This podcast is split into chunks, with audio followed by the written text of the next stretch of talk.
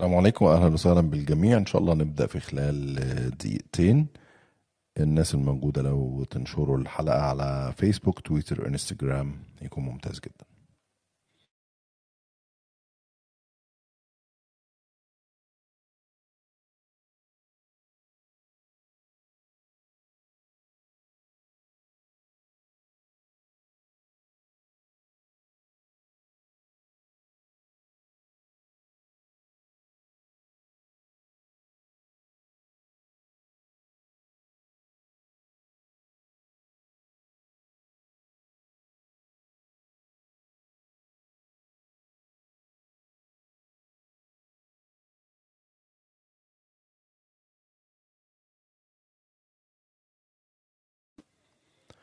طيب السلام عليكم ورحمة الله وبركاته. أهلا وسهلا بيكم في حلقة جديدة من بودكاست آخر كلام مع أسامة جويش. مباشرة ندخل في موضوع الحلقة من هو رئيس الوزراء البريطاني القادم؟ زلزال سياسي حدث في المملكة المتحدة في الأسابيع القليلة الماضية. هنتعرف على تفاصيله إيه اللي حصل ليه بوريس جونسون مش موجود ليه بوريس جونسون اللي هو كان يعتبر بطل يعني من أبطال موقعة البريكزيت اللي قاد بريطانيا للخروج من الاتحاد الأوروبي. مين هم المرشحين؟ مين هي ليستروس وزيرة الخارجية الحالية؟ إيه حظوظها في الفوز؟ إيه مواقفها من قضايا اللاجئين العرب المسلمين قضايا الشرق الأوسط حقوق الإنسان؟ ومن هو ريشي سوناك الرجل البريطاني اللي من أصول هندية. إيه نقاط القوة عنده؟ إيه نقاط الضعف؟ إيه تأثير وصول شخص زيه؟ مش white pure يعني مش شخص أبيض نقي زي ما بيقولوا كده. لا ده من أصول هندية. إنه يبقى رئيس الحكومة. هل المؤسسات في بريطانيا هتسمح بوصول حد زي ريشي سوناك ولا لا؟ الحقيقة أسئلة كتير جدا هنتعرف على إجابتها من الصديق العزيز والزميل الصحفي والإعلامي أيوب الريمي اللي برحب بيه معايا في هذه الحلقة. أيوب أهلا بيك. لو تفتح المايك. أنا مش سامع صوتك أيوب. لو تجرب تخلي المايك مفتوح حاول تتكلم نشوف بس الصوت واصل ولا لأ. أنت كده قافل المايك بتاعك. على اليمين تحت تدوس بس على ال icon بتاعت المايك جنب علامة ال like هيفتح الصوت معاك أيوب.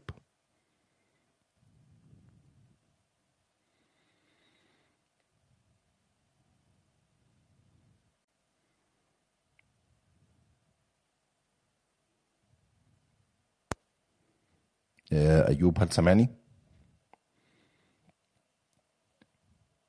أيوه تمام. كده الصوت بدأ أهو. لو تحاول تتكلم نشوف الصوت هيوصل ولا إيه. هل في حد سامع أيوب يا جماعة؟ يمكن المشكلة عندي لو تكتبوا لي في الرسائل. هل في حد سامع صوت الأستاذ أيوب؟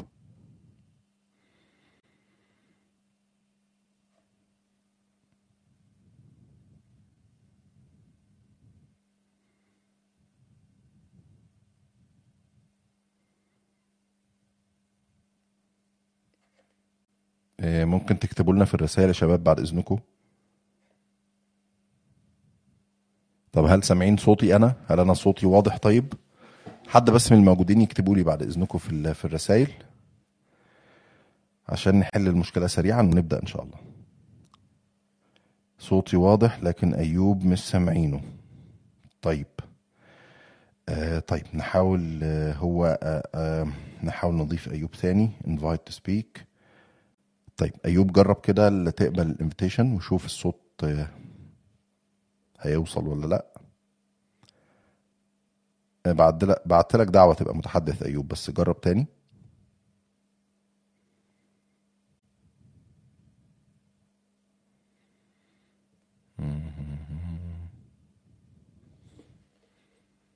تمام نفتح المايك أيوب بعد إذنك.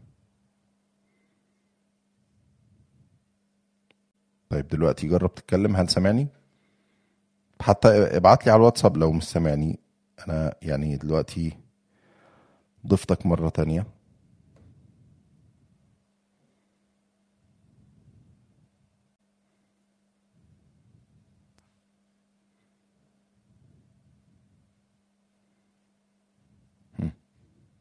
طيب أنا بس بحاول أتكلم مع الواتساب ثانية واحدة.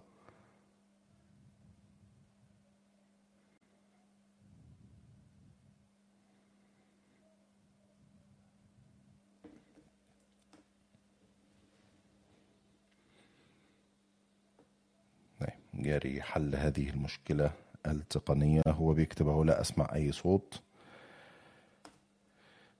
طيب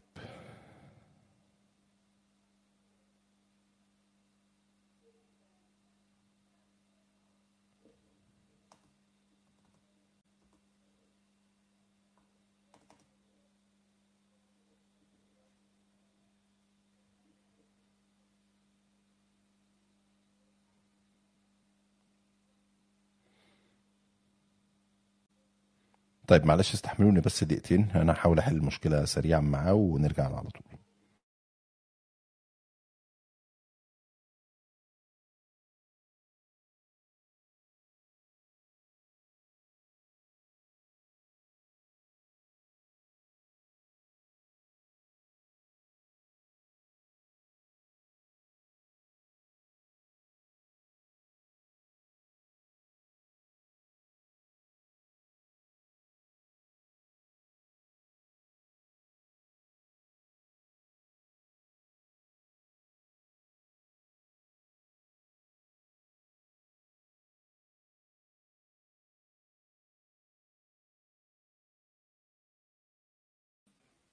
طيب أيوب أنت موجود معنا تاني أهو.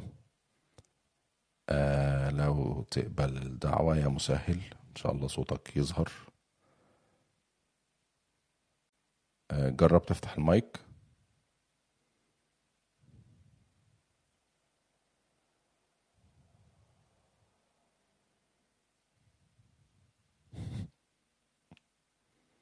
تقريبا بوريس جونسون مش عايزنا نعمل الحلقة دي. الأسبوع اللي فات برضو محمد أمين حصل معاه مشكلة.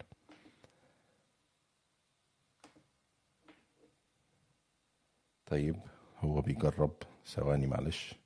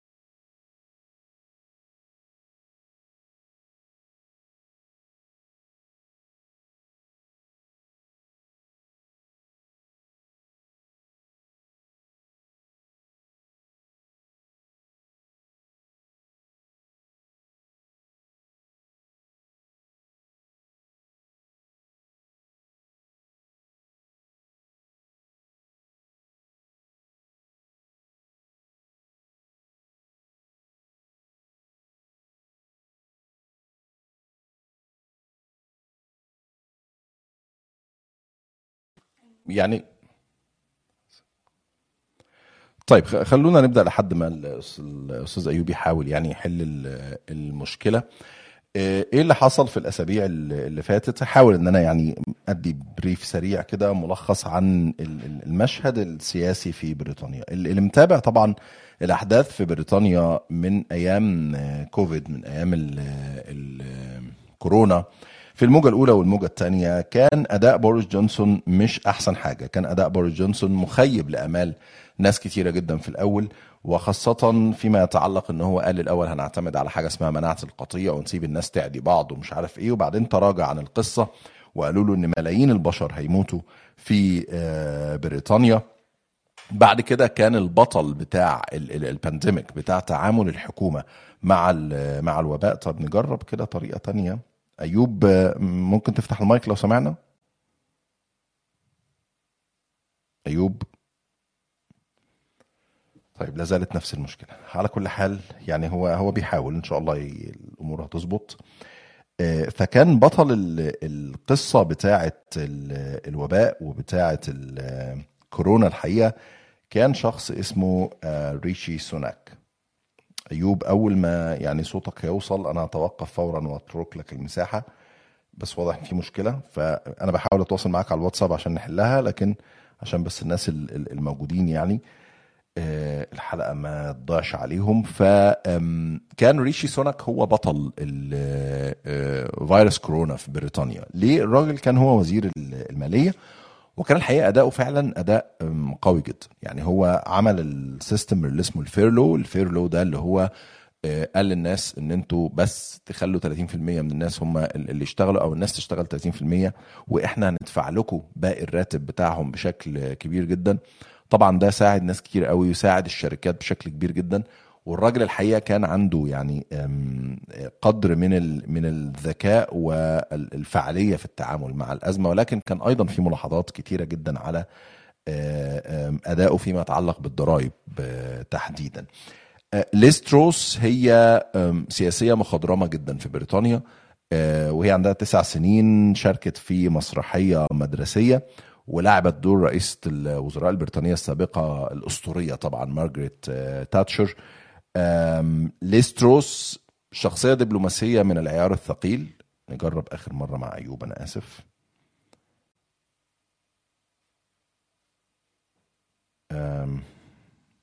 هل ممكن الصوت المرة دي يوصل؟ أتمنى.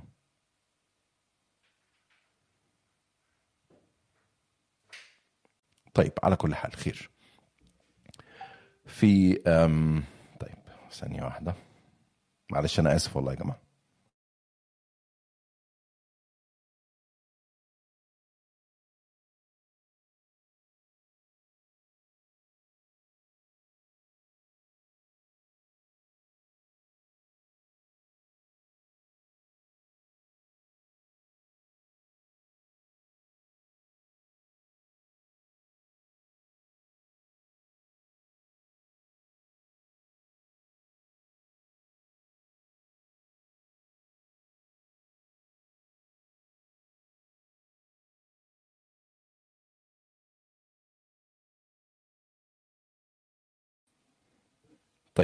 هو يعني الضيف بيحاول المرة الأخيرة إن هو يكون موجود معانا. فاللي حصل إنه ليستروس زي ما قلت هي وزيرة الخارجية وليها الحقيقة يعني باع طويل جدا في الحياة السياسية والدبلوماسية البريطانية. حظوظها هي الأقوى حتى الآن وفقا ل آه، تقارير صحفية كثيرة. كان في مناظرة من من كام يوم ما بين الاثنين والجميع بيتحدث أن ليستروس ربما تكون هي رئيسة الحكومة الجديدة طيب إيه إيه الفرص أو إيه اللي حصل أصلا؟ إيه اللي وصلنا للمساحة اللي إحنا موجودين فيها دلوقتي؟ بوريس جونسون من فترة بدأت تطلع له فضائح متعلقة بإقامته حفلات آه، أعياد ميلاد وحاجات كده في مقر رئاسة الحكومة.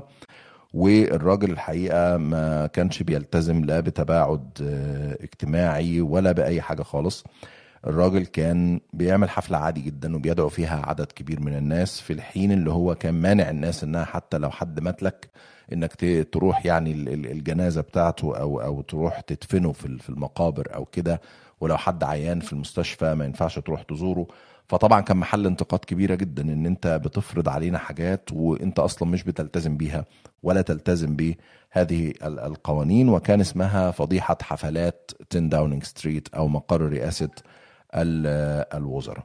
فكان بوريس جونسون حصل تحقيق من من الشرطة ف يعني المفروض إن هو كان سيتم الإطاحة بيه لكن عدى الراجل من القصة بسلام يعني ولم يتم الإطاحة بيه بعد كده فجأة ظهرت فضيحة تتعلق بأحد مستشاري بوريس جونسون وهو الراجل المفروض إن هو عليه ملاحظات أخلاقية مش هتكلم متعلقة بإيه لكن في ملاحظات أخلاقية على الراجل بشكل أو بآخر يعني وثبت تورطه في الموضوع الأخلاقي ده أكتر من مرة.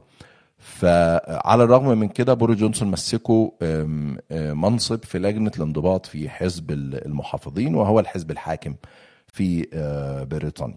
فطبعا ده أثار حفيظة الناس كلها إزاي بوريس جونسون بيقبل بحاجة زي كده إزاي بوريس جونسون بيقول حاجة زي كده. لما طلع جونسون في الأول سألوه عن هذه الفضيحة الراجل اتكلم معاهم وقال لهم لأ أنا ما كنتش أعرف إن هو متورط في الكلام ده. طبعا بمحاصرته بالموضوع وببعض الحقائق والأدلة فرجع تاني قال إن لأ أنا كنت عارف وأنا بعتذر للناس. هنا كانت ال ال خلاص يعني القضية زي ما بيقولوا ما كانش في مخرج لبوريس جونسون إن هو كذب على الناس بشكل واضح حاول يتراجع عن الموضوع تراجع بشكل ضعيف جدا. اعتذاره لم يكن لم يكن مقبول بأي شكل يعني. طيب أنا هحاول أعمل حاجة دلوقتي مع الأستاذ أيوب. أتمنى إنها تشتغل إن شاء الله بس على الأقل يكون صوته موجود معايا.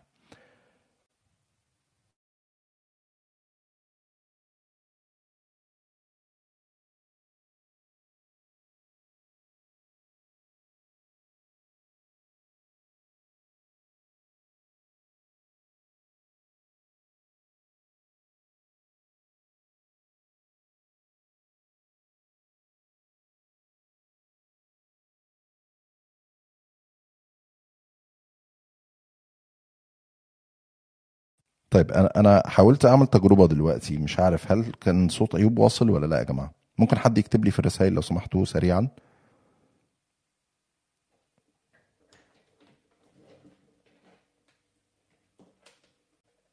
لا. طيب تمام. خلاص بس اعطوني ثواني ان شاء الله يكون موجود معنا.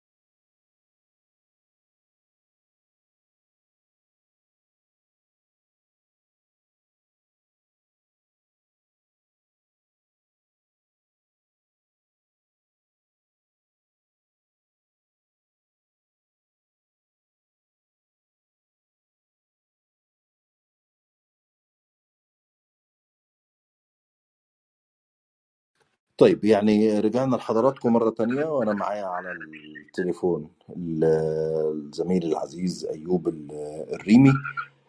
أيوب أهلا بيك ومعلش بقى على اللخبطة اللي حصلت الربع ساعة اللي فاتت دي. أهلا وسهلا اسامه واسفين على هذا الاعطال التقنيه وسعيد بأن نكون معك. طيب أنا كنت بتكلم عن الأزمة اللي حصلت وإيه اللي وصلنا لمرحلة إن إحنا بنبحث دلوقتي عن رئيس حكومة جديد في بريطانيا. كنت بحكي عن الفضيحة اللي حصلت مع بوريس جونسون وتعيينه لأحد المستشارين في لجنة الانضباط في حزب المحافظين وهو كان عليه مخالفات أخلاقية والراجل كذب في الأول وبعدين تراجع ووصلت القصة للاستقالات الكبيرة. لو نبدأ مباشرة في ليز تراس وريشي سوناك وخلينا أسألك مين هو ريشي سوناك؟ لو نحب نعرفه للناس. ريشي سوناك شوف هما ممكن نسميهم الاثنين اولا يتفقان في أنهما وزيرا الصدفة. الاثنين جاوا بالصدفه يعني معين يعني ليس لهما من التاريخ السياسي ولا من الثقل السياسي في حزب المحافظين ما كان يؤهلهما لتولي منصب وزير الخزينة بالنسبة لشي سوناك لأنه تعرف أسامة إنه أهم منصب بعد رئيس الوزراء ليس وزير الدفاع ولا وزير الداخلية إنما وزير الخزانة. رجل ثاني في الحكومة دائما هو وزير الخزانة. لكن للأمانة رجل أثبت كفاءة عالية في التعامل مع وباء كورونا وفي الإجراءات الاقتصادية التي سمى هو يروج بأنه من أسرة بنت نفسها وبنت ثروتها وبنت مشاريع مشاريعها بشكل شخصي وبمجهود شخصي وبأنه هو أيضا بنى مساره ومستقبله كذلك بشكل شخصي. طبعا لا يتحدث كثيرا عن زوجته لأنه ربما هذا موضوع مزعج بالنسبة له. ولكن يجب الاشاره إن زوجته كان لها دور كبير في الوصول إلى ما وصل له. الرجل لأن هي من أغنى أغنياء بريطانيا وتعتبر من بين توب 10 في أغنى نساء بريطانيا. سيدة ثريه جدا. وهو ساهم في تنمية ثروتها ولكن الآن بات هذا يشكل حرج بالنسبة له خصوصا وأنها تورطت في الاستفادة من الجنان الضريبيه للتهرب من بعض الضرائب هنا في بريطانيا أو لنقول من بعض الثغرات في النظام الضريبي البريطاني لعدم سداد الضريبة. طيب يعني آه في في سؤال مهم يعني إزاي ريشي سوناك اللي هو مش من أصول بريطانية وأنا أعلم يعني إنه يمكن ربما يكون هو أول رئيس وزراء لو لو فاز يكون من أصول هندية أو من أصول غير بريطانية يصل للمنصب. إزاي وصل لمرحلة المنافسة الأخيرة إن هو يكون رئيس وزراء بريطانيا القادم هو شوف هو من بداية نقول قبل شوية من قبل وباء كورونا. لأنه إيش اللي عمل بوريس جونسون؟ بوريس جونسون حيد كل الحرس القديم قام بتحييده مع إسقاط تيريزا ماي قام بتحييد الكثير من الحرس القديم والشخصيات الوازنة في حزب العمال جاب وجوه شابة جاب موظفين نسميهم موظفين تقنيين وأعطاهم مناصب حكومية بريتي باتيل ليز تراس مات هانكوك ريشي سوناك كلهم هذا يعني هذو كانوا ربما صف ثاني وحتى ثالث بالنسبة لبعض الأسماء في حزب المحافظين. في مرحلة كورونا الرجل أدى بشكل جيد. واظهر كفاءة عالية في التعامل مع المؤشرات المالية ومع الموازنة. وأنا ربما أشبهه حتى برئيس فرنسي مانويل ماكرون. له نفس الخلفية ونفس طريقة التعامل ونفس نظرة التعامل مع ميزانية الدولة. الاثنين معا. فهذا ساهم في رفع اسهمه بشكل كبير. وساهم في أن يكون له كلمة مسموعة في حزب العمال. لماذا؟ في حزب المحافظين عفوا. لماذا؟ لأن حزب المحافظين مبني على شبكة من المصالح قوية جدا. من المصالح والأغنياء والعائلات المحافظة التي تسكن خارج لندن. في الريف البريطاني وهي لها قرار كبير في صنع القرار حزب المحافظين. هو نجح في نسج شبكة العلاقات هذه وأيضا تقديمه لاستقالته في تلك الظرفية لأنها كانت هي القشة التي قسمت دار بوريس جونسون وأدت إلى استقالته، كل هذا ساهم في رفع اسهمه إضافة إلى حملة دعائية كبيرة جدا. ومن يقودها الآن هو أغلبهم هم مهندسي حملة البريكزيت وهم من كبار دهاقنه الدعاية والتواصل السياسي في بريطانيا. الرجل خلفه آلة دعائية كبيرة. ربما نناقش أسامة هل بريطانيا مستعدة لرئيس وزراء؟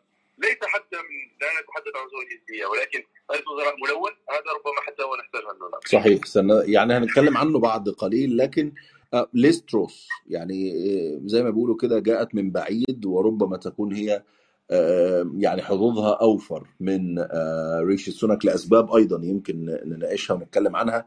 لكن خلينا نسأل برضو أيوب من هي ليستروس؟ شوف البريطانيين اسامه من ملاحظتي أنا هذه السنوات الماضيه يعيشون على الأساطير وعلى التاريخ بشكل كبير وعلى المقارنات. يعني كان بوريس جونسون يتم تشبيهه بعد عملية التلقيح بأنه وينستون وينستون تشرشل الجديد وبأن آه، عملية التلقيح هي عبور نورماندي الجديد فهم لديهم هوس وهذا حدث حتى مع ليز تراس بعد الحرب الأوكرانية. وتقليدها لمنصب وزير الخارجية ظهرت هذه السيدة على دار دفان. فتم تشبيهها ب تاتشر. المرأة الحديدية مارغريت تاتشر ولها نفس الصورة على دار دبابة و و فهي اغتنمت هذه الفرصة وأصبحت تدق بشكل كبير على هذا الوتر. الحرب الأوكرانية، إذا كان ريشي سوناك يلعب ورقة نجاحه في تدبير ملف كورونا والأزمة المالية في كورونا فإن كل رأس مال ليستروس هو الحرب الأوكرانية وكانت لها يعني من من الأخطاء الكارثية. مثلا عندما قالت أنا ادعو من يقدر على على القتال والتوجه والتطوع للقتال الأوكراني حتى خرج قادر الجيش البريطاني ووزاره الدفاع تحذر من هذا الأمر. فهي أيضا استفادت من هذه الحرب الأوكرانية وأنا تقديري أنها هناك جهة معينة في الدولة ترى بأنها مناسبة لحماستها الكبيرة جدا.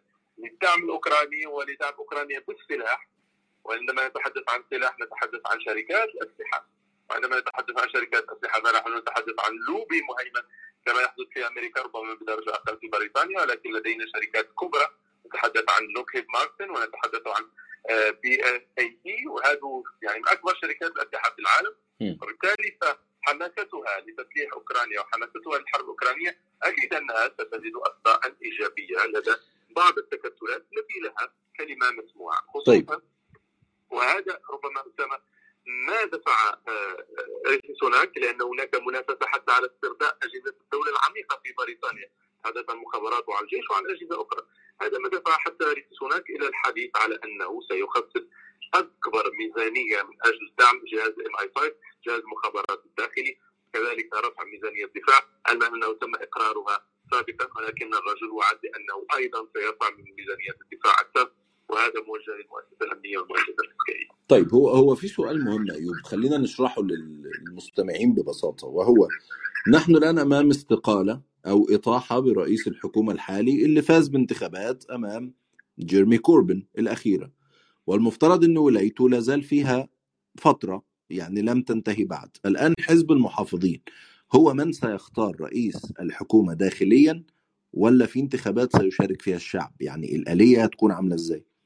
لا هو هو لأنه كان حزب العمال حاول إنه يذهب إلى انتخابات مبكرة ولكن الآن هو فقط تجديد زعامة حزب المحافظين وبالتالي آه، تغيير رئيس الوزراء لأنه انتخابات آه، مقررة إلى 2024 وبالتالي فما سيحدث هو أنه الآن تم تصفية كل المرشحين ظلت الآن آه، ليس بروس وريسي سوناك سيذهبان إلى اقتراع فقط للمنخرطين في حزب المحافظين والمقدر عددهم ما بين 160 ألف إلى 200 ألف. هؤلاء هم من لهم الآن حق في التصويت على ال على ال على الاسمين.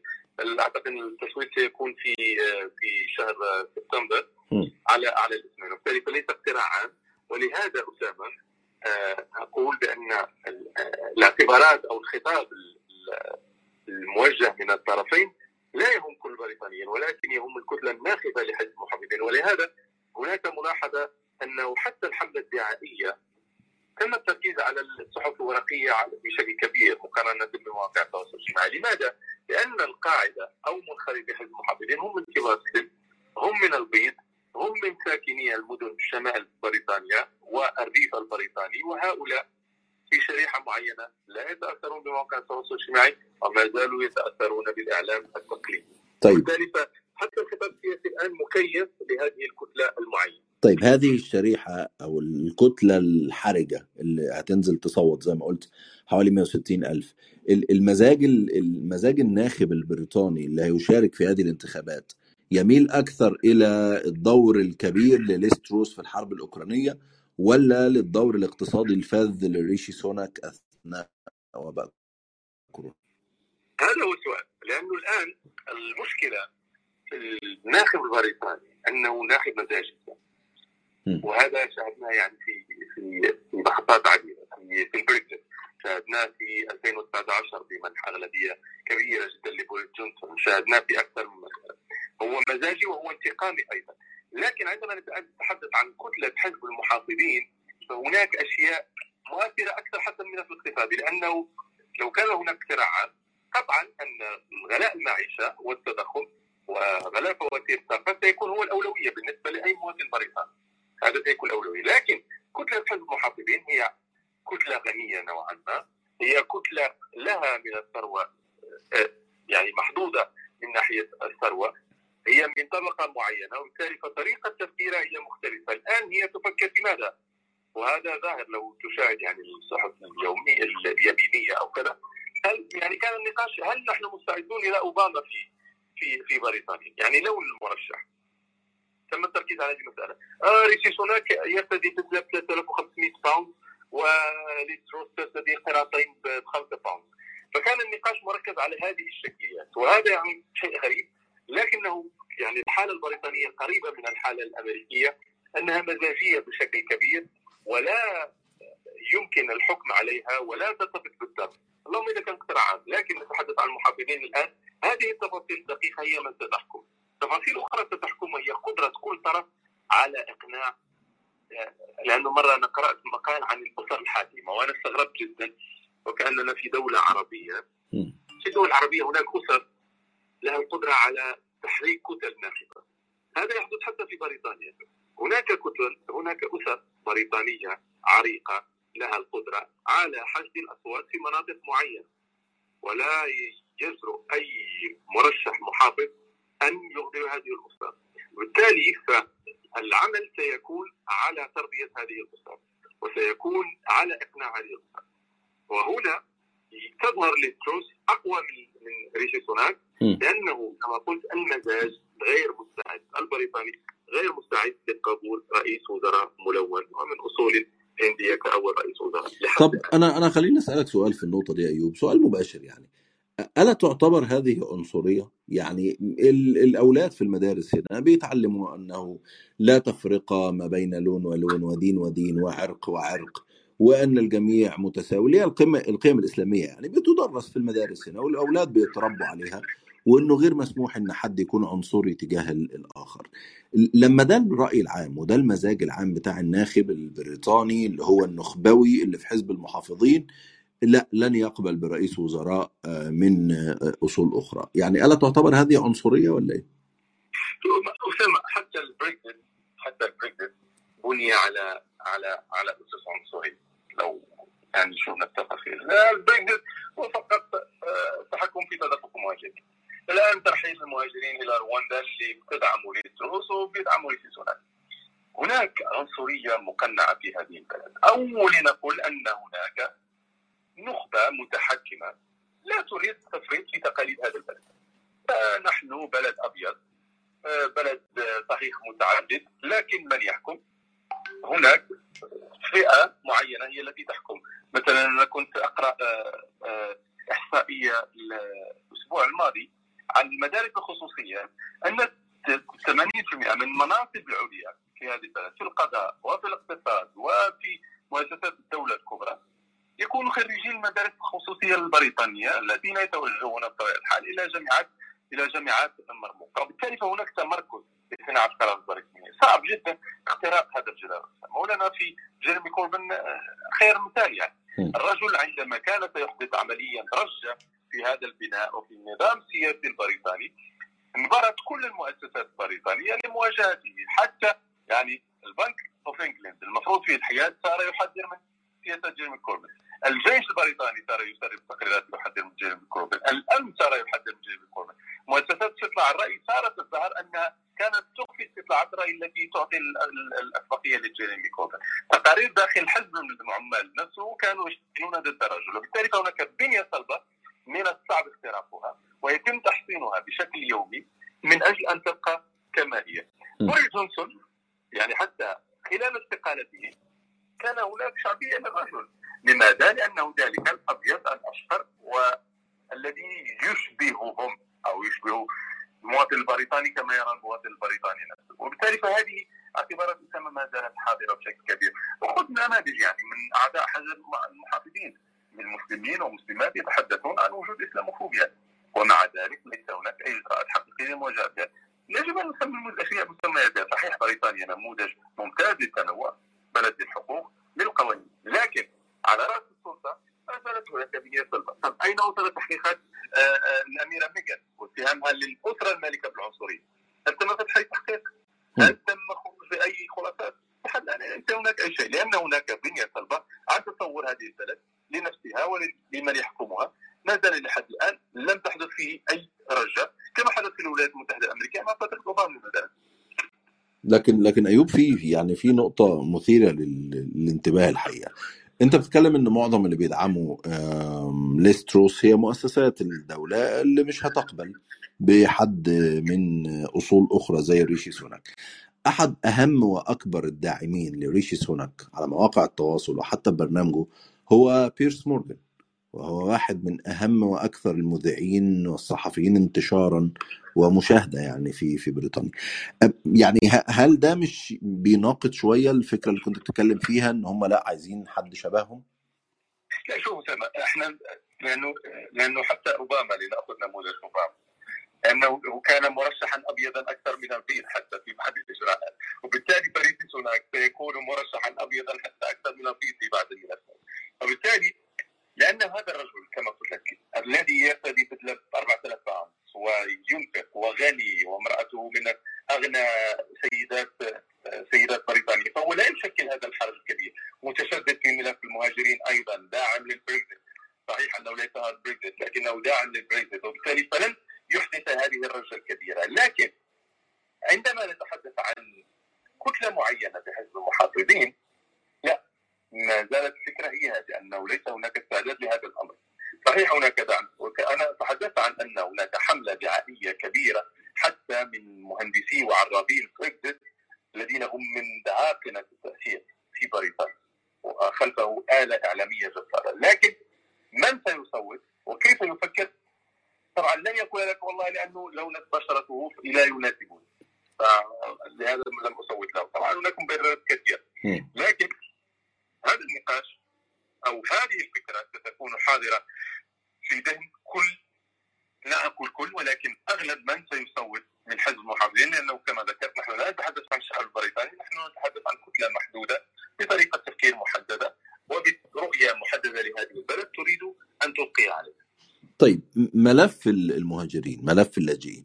انت يعني ذكرت منذ قليل إن ليستروس وريشي سوناك داعمين لترحيل اللاجئين إلى آه، رواندا. أيهما أسوأ في التعاطي مع اللاجئين؟ أيهما سيكون كابوس أسوأ من بريتي باتيل وزيرة ال- ال Home Office الحالية فيما يتعلق باللاجئين وطالبي اللجوء في بريطانيا؟ آه، آه، شوف هما الخيارين أسوأ من بعض؟ ليز تراس أنا شخصيا تقييمي أن السيدة غير كفء يعني ذكرت أنت بريتي باتيل ليز تراس شخصية غير كفء لرئاسة الوزراء هذا واضح. شخصيتها ضعيفة تجربتها محدودة جدا. لرئاسة بلد في هذه الشخصية المحدودة الثاني وإن كان من الناحية التقنية والإدارية والتدبيرية دون الحديث عن خلفية سياسية وقادر على التدبير لكنه سيظهر تشددا أكبر لأنه دائما سيكون عليه ضغط خلفية المهاجر. فسيحب أن يظهر بأنه الرجل الذي يتشدد في حماية حدود البلد. وأنا شخصيا قمت ببحث لو أبحث عن تاريخ تصويت آه، ريشي سوناك. في كل القوانين المتعلقة بالهجرة الرجل مع التشدد في الهجرة الرجل عندما كان وزيرا للخزانة قام بسن آه، بنود وتمويل للجيش البريطاني والبحرية البريطانية من أجل مراقبة أكبر للحدود.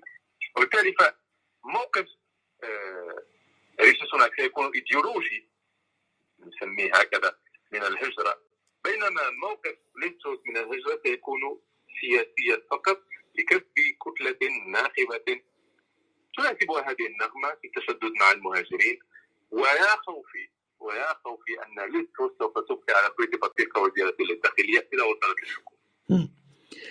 طيب ما يتعلق بالإسلاموفوبيا وملف الجاليات المسلمة أو المسلمين المقيمين في بريطانيا؟ أيهما أفضل وأيهما أسوأ؟ لا أحد. حزب المحافظين للأمانة لا أحد فيه. أنا كنت شخصيا لأنه تابعت ملف كانت موردنت. موردنت صح؟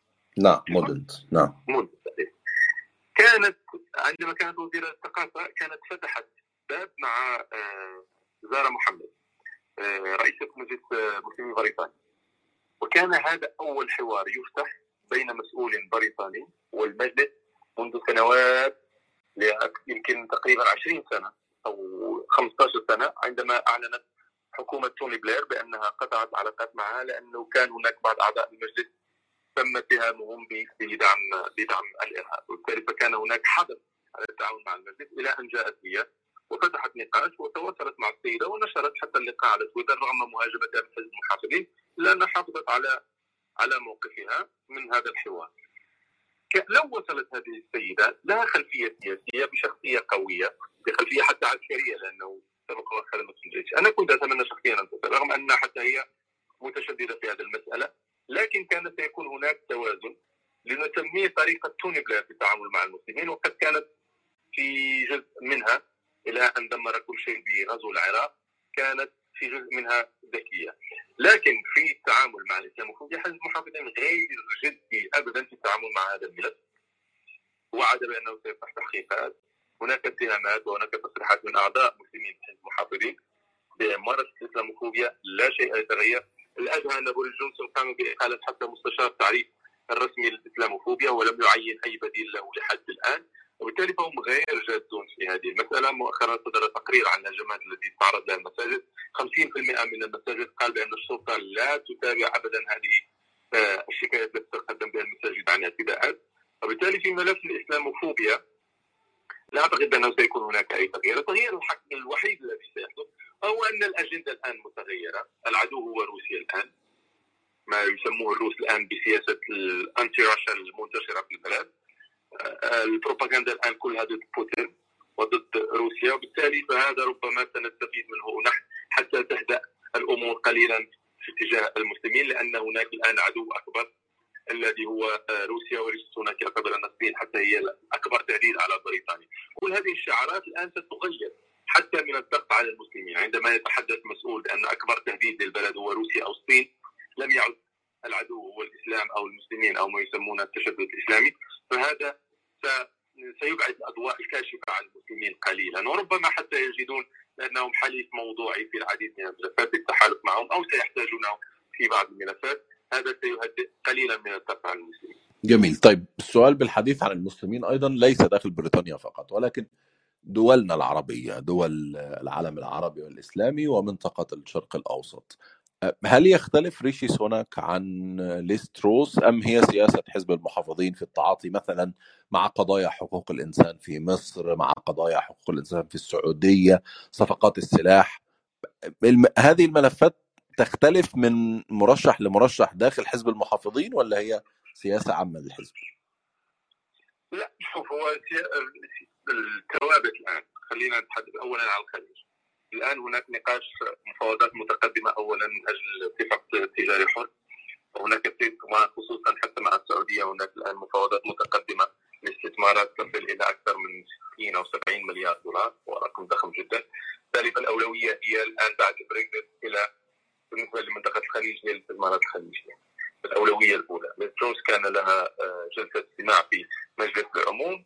قالت بأننا نحاول يعني أن نتحدث أو نفتح هذه الملفات لكن لا تتوقع يعني نبرة قوية في التعامل وبالتالي ستكون الأولوية للمصالح والاستثمارات في المنطقة. آه، منطقه الشرق الأوسط اولا بريطانيا بعد بريكزيت فقدت كثير من بريقها ولعلك اسامه شاهدت الخطاب الختامي أو الكلمة التوديعيه لبوريس جونسون في نعم في مجلس العموم اول ما قال الوزراء المقبل ابقى لصيقا بالامريكيين. صحيح. وصراحه هو عبر عن وضع بريطانيا وعن سياسه بريطانيا.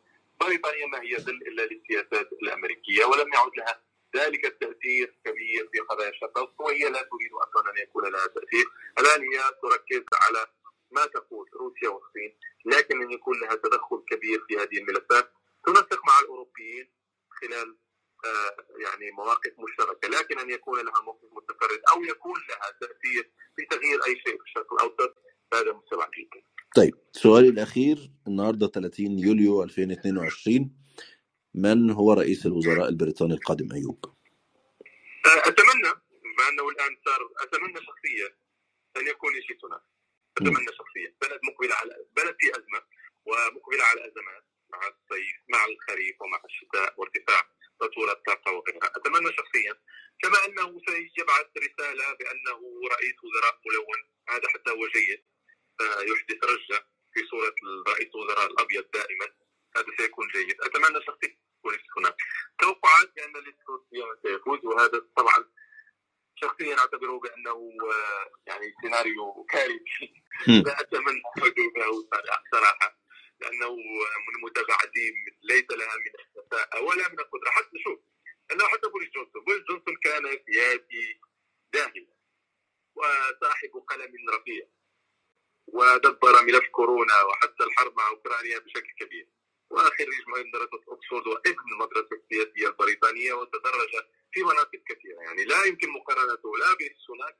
ولا بليز تراس لكن الان بين هذين الخيارين أنا امنيتي انه سوناك لكن توقعات ربما ربما بانها آه أشكرك شكرا جزيلا الصديق العزيز والصحفي الإعلامي أيوب الريمي كنت ضيفي في هذه الحلقة وبنعتذر طبعا عن المشاكل التقنية اللي حصلت في البداية. وبشكر كل اللي شاركونا على مدار الحلقة. 47 دقيقة دلوقتي على مدار هذه الحلقة. شكرا جزيلا ليكم. نتقابل إن شاء الله في حلقة ثانية من بودكاست آخر كلام مع جويش السلام عليكم.